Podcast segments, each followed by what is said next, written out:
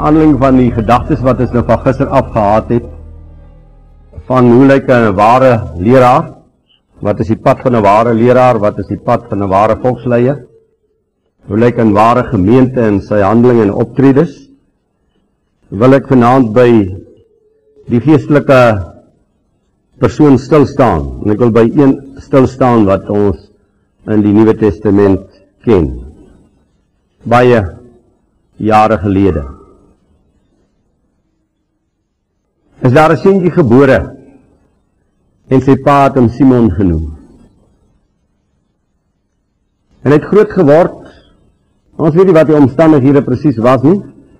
Maar die werksrigting wat hy toe gekies het vir sy lewe was om 'n visserman te word. En in sy hoogste verwagtinge wat hy ooit as klein mens op hierdie aarde gekoester het, sou hy nooit kon glo as iemand dit vir hom in sy groot wordende jare vertel het. Daar sal eendag 'n man by jou kom stil staan. En jy sal geroep word as 'n leier apostel om die koninkryk baie skerp en baie helder onder 'n verwoeste volk en 'n vyandige wêreld te vestig. En in Matteus 4 lees ek dan: En terwyl Yeshua langs die see van Galilea loop, en net kyk hoe eenvoudig, hoe wonderbaar. En terwyl Yeshua langs die see van Galilea loop, sien hy twee broers, Simon wat genoem word Petrus en Andreas sy broer besig om 'n net in die see uit te gooi want hulle was vissers. En hy sê vir hulle: "Kom agter my aan en ek sal julle vissers van mense maak." En hulle het dadelik die nette laat staan en hom gevolg. Dis bietjie wonderlik wat ons hier lees. Nou, hoekom is dit so wonderlik? Want ons het gister gehoor en as dit te verstaan en as dit baie skerp in die skrif dit waargeneem dat enige mens wat hierdie magtige evangelie hoor van Jawe in hierdie wêreld moet bedien is van voor die grondlegging van die wêreld daartoe verordeneer daartoe bestem daarom is daar geen aksie van negativiteit daar is een vraag in die hart van Petrus en Andreas toe Yeshua vir hulle sê kom agter my aan.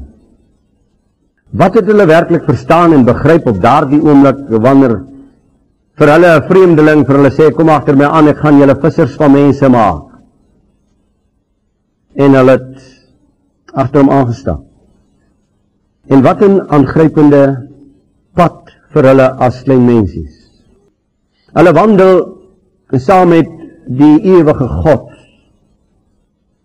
fisies wat kon vlees word het op hierdie wêreld.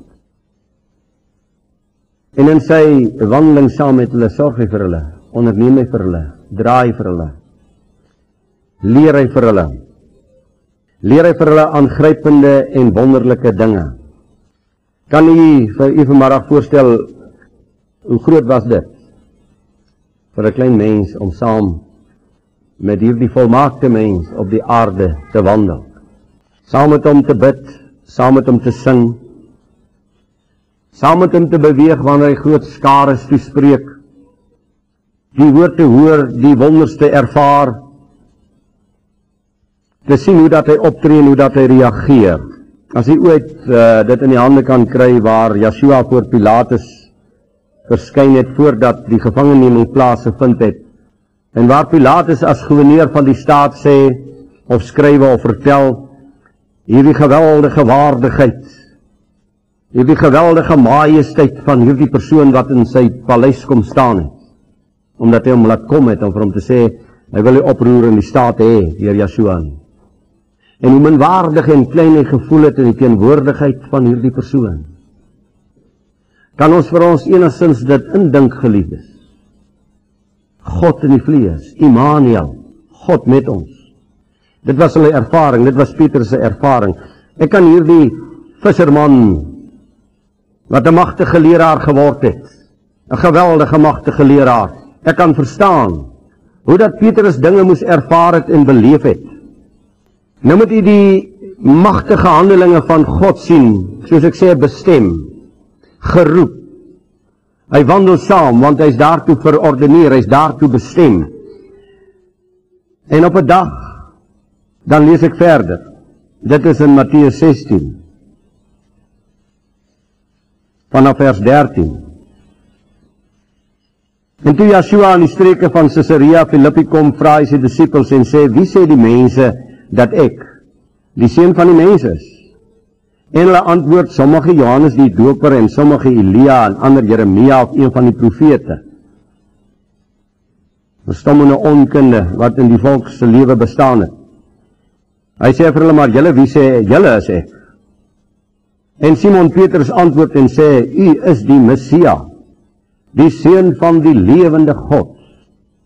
Toe antwoord Joshua en sê vir hom: "Salig is jy, Simon Bar-Jona, die woordjie bar is die Arameese woord vir seun, Simon seun van Jona, want vlees en bloed het dit nie aan jou geopenbaar nie, maar my Vader wat in die hemele is."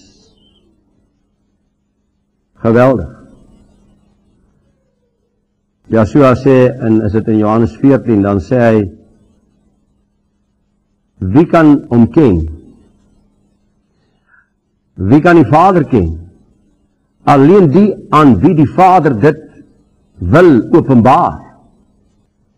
So die Almagtige openbaar aan Simon Petrus wie hy is wat by hom staan.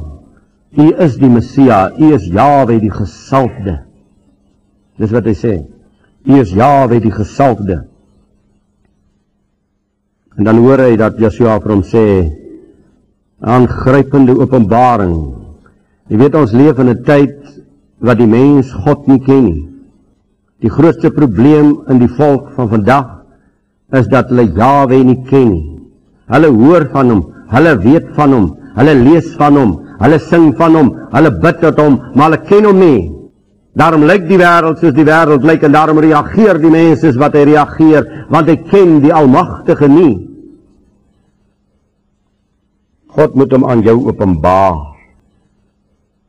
Nie deur 'n mens nie, maar direk uit die hemelryk. U moet hoor wat ek vanaand vir u sê, geliefdes. U moet ervaar dat die Almagtige hom aan u openbaar het. Dat u weet dat hy hom aan u openbaar dat u nie maar net godsdienst bedryf nie. Dis hoekom dit onder die Israeliete gaan soos dit onder die Israeliete gaan. Want daar is baie aan wie Jahwe hom nog nie openbaar het nie. Hulle is wel geopenbaar as Israeliete en hulle is wel polities regs en noem op. Maar die lewende God ken hulle nie. Dan sal nie ons in aanvang wat hulle aanvang in die land nie. Jy's Petrus. En op hierdie Petra Daar staan in die Griekse taal die manlike vorm Petrus, jy is Petrus, jy's die manlike rots en op hierdie vroulike rots sal ek my gemeente bou.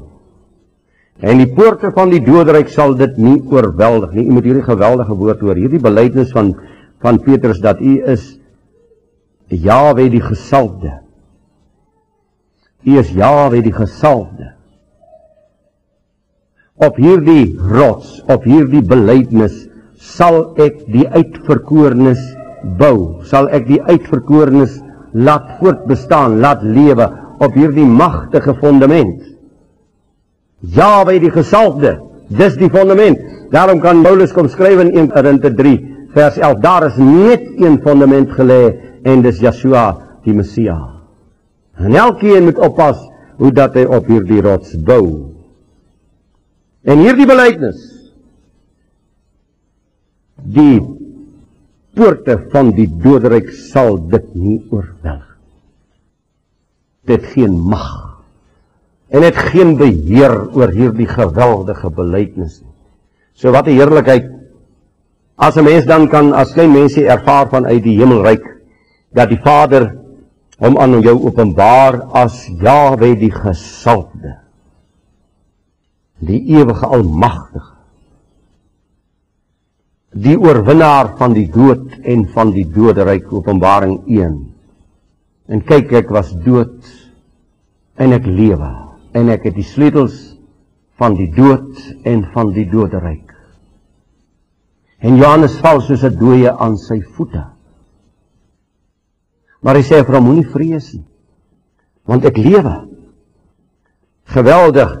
En deur daai lewe sê Yeshua, ek is die tweede Adam, die een wat lewe. Ek is die Adam wat lewe, ek is die mens wat lewe en elkeen wat in my is sal lewe tot in alle ewigheid. En Paulus juig in die opstanding en hy sê dood, waar is jou angel doderyk? Waar is jou oorwinning? Nou moet ons baie mooi luister. Nou moet ons baie mooi verstaan. En ek sal jou die sleutels van die koninkryk van die hemele gee. En wat jy op ook op die aarde mag bind sal in die hemel gebonde wees en wat jy ook op die aarde mag ontbind sal in die hemel ontbonde wees.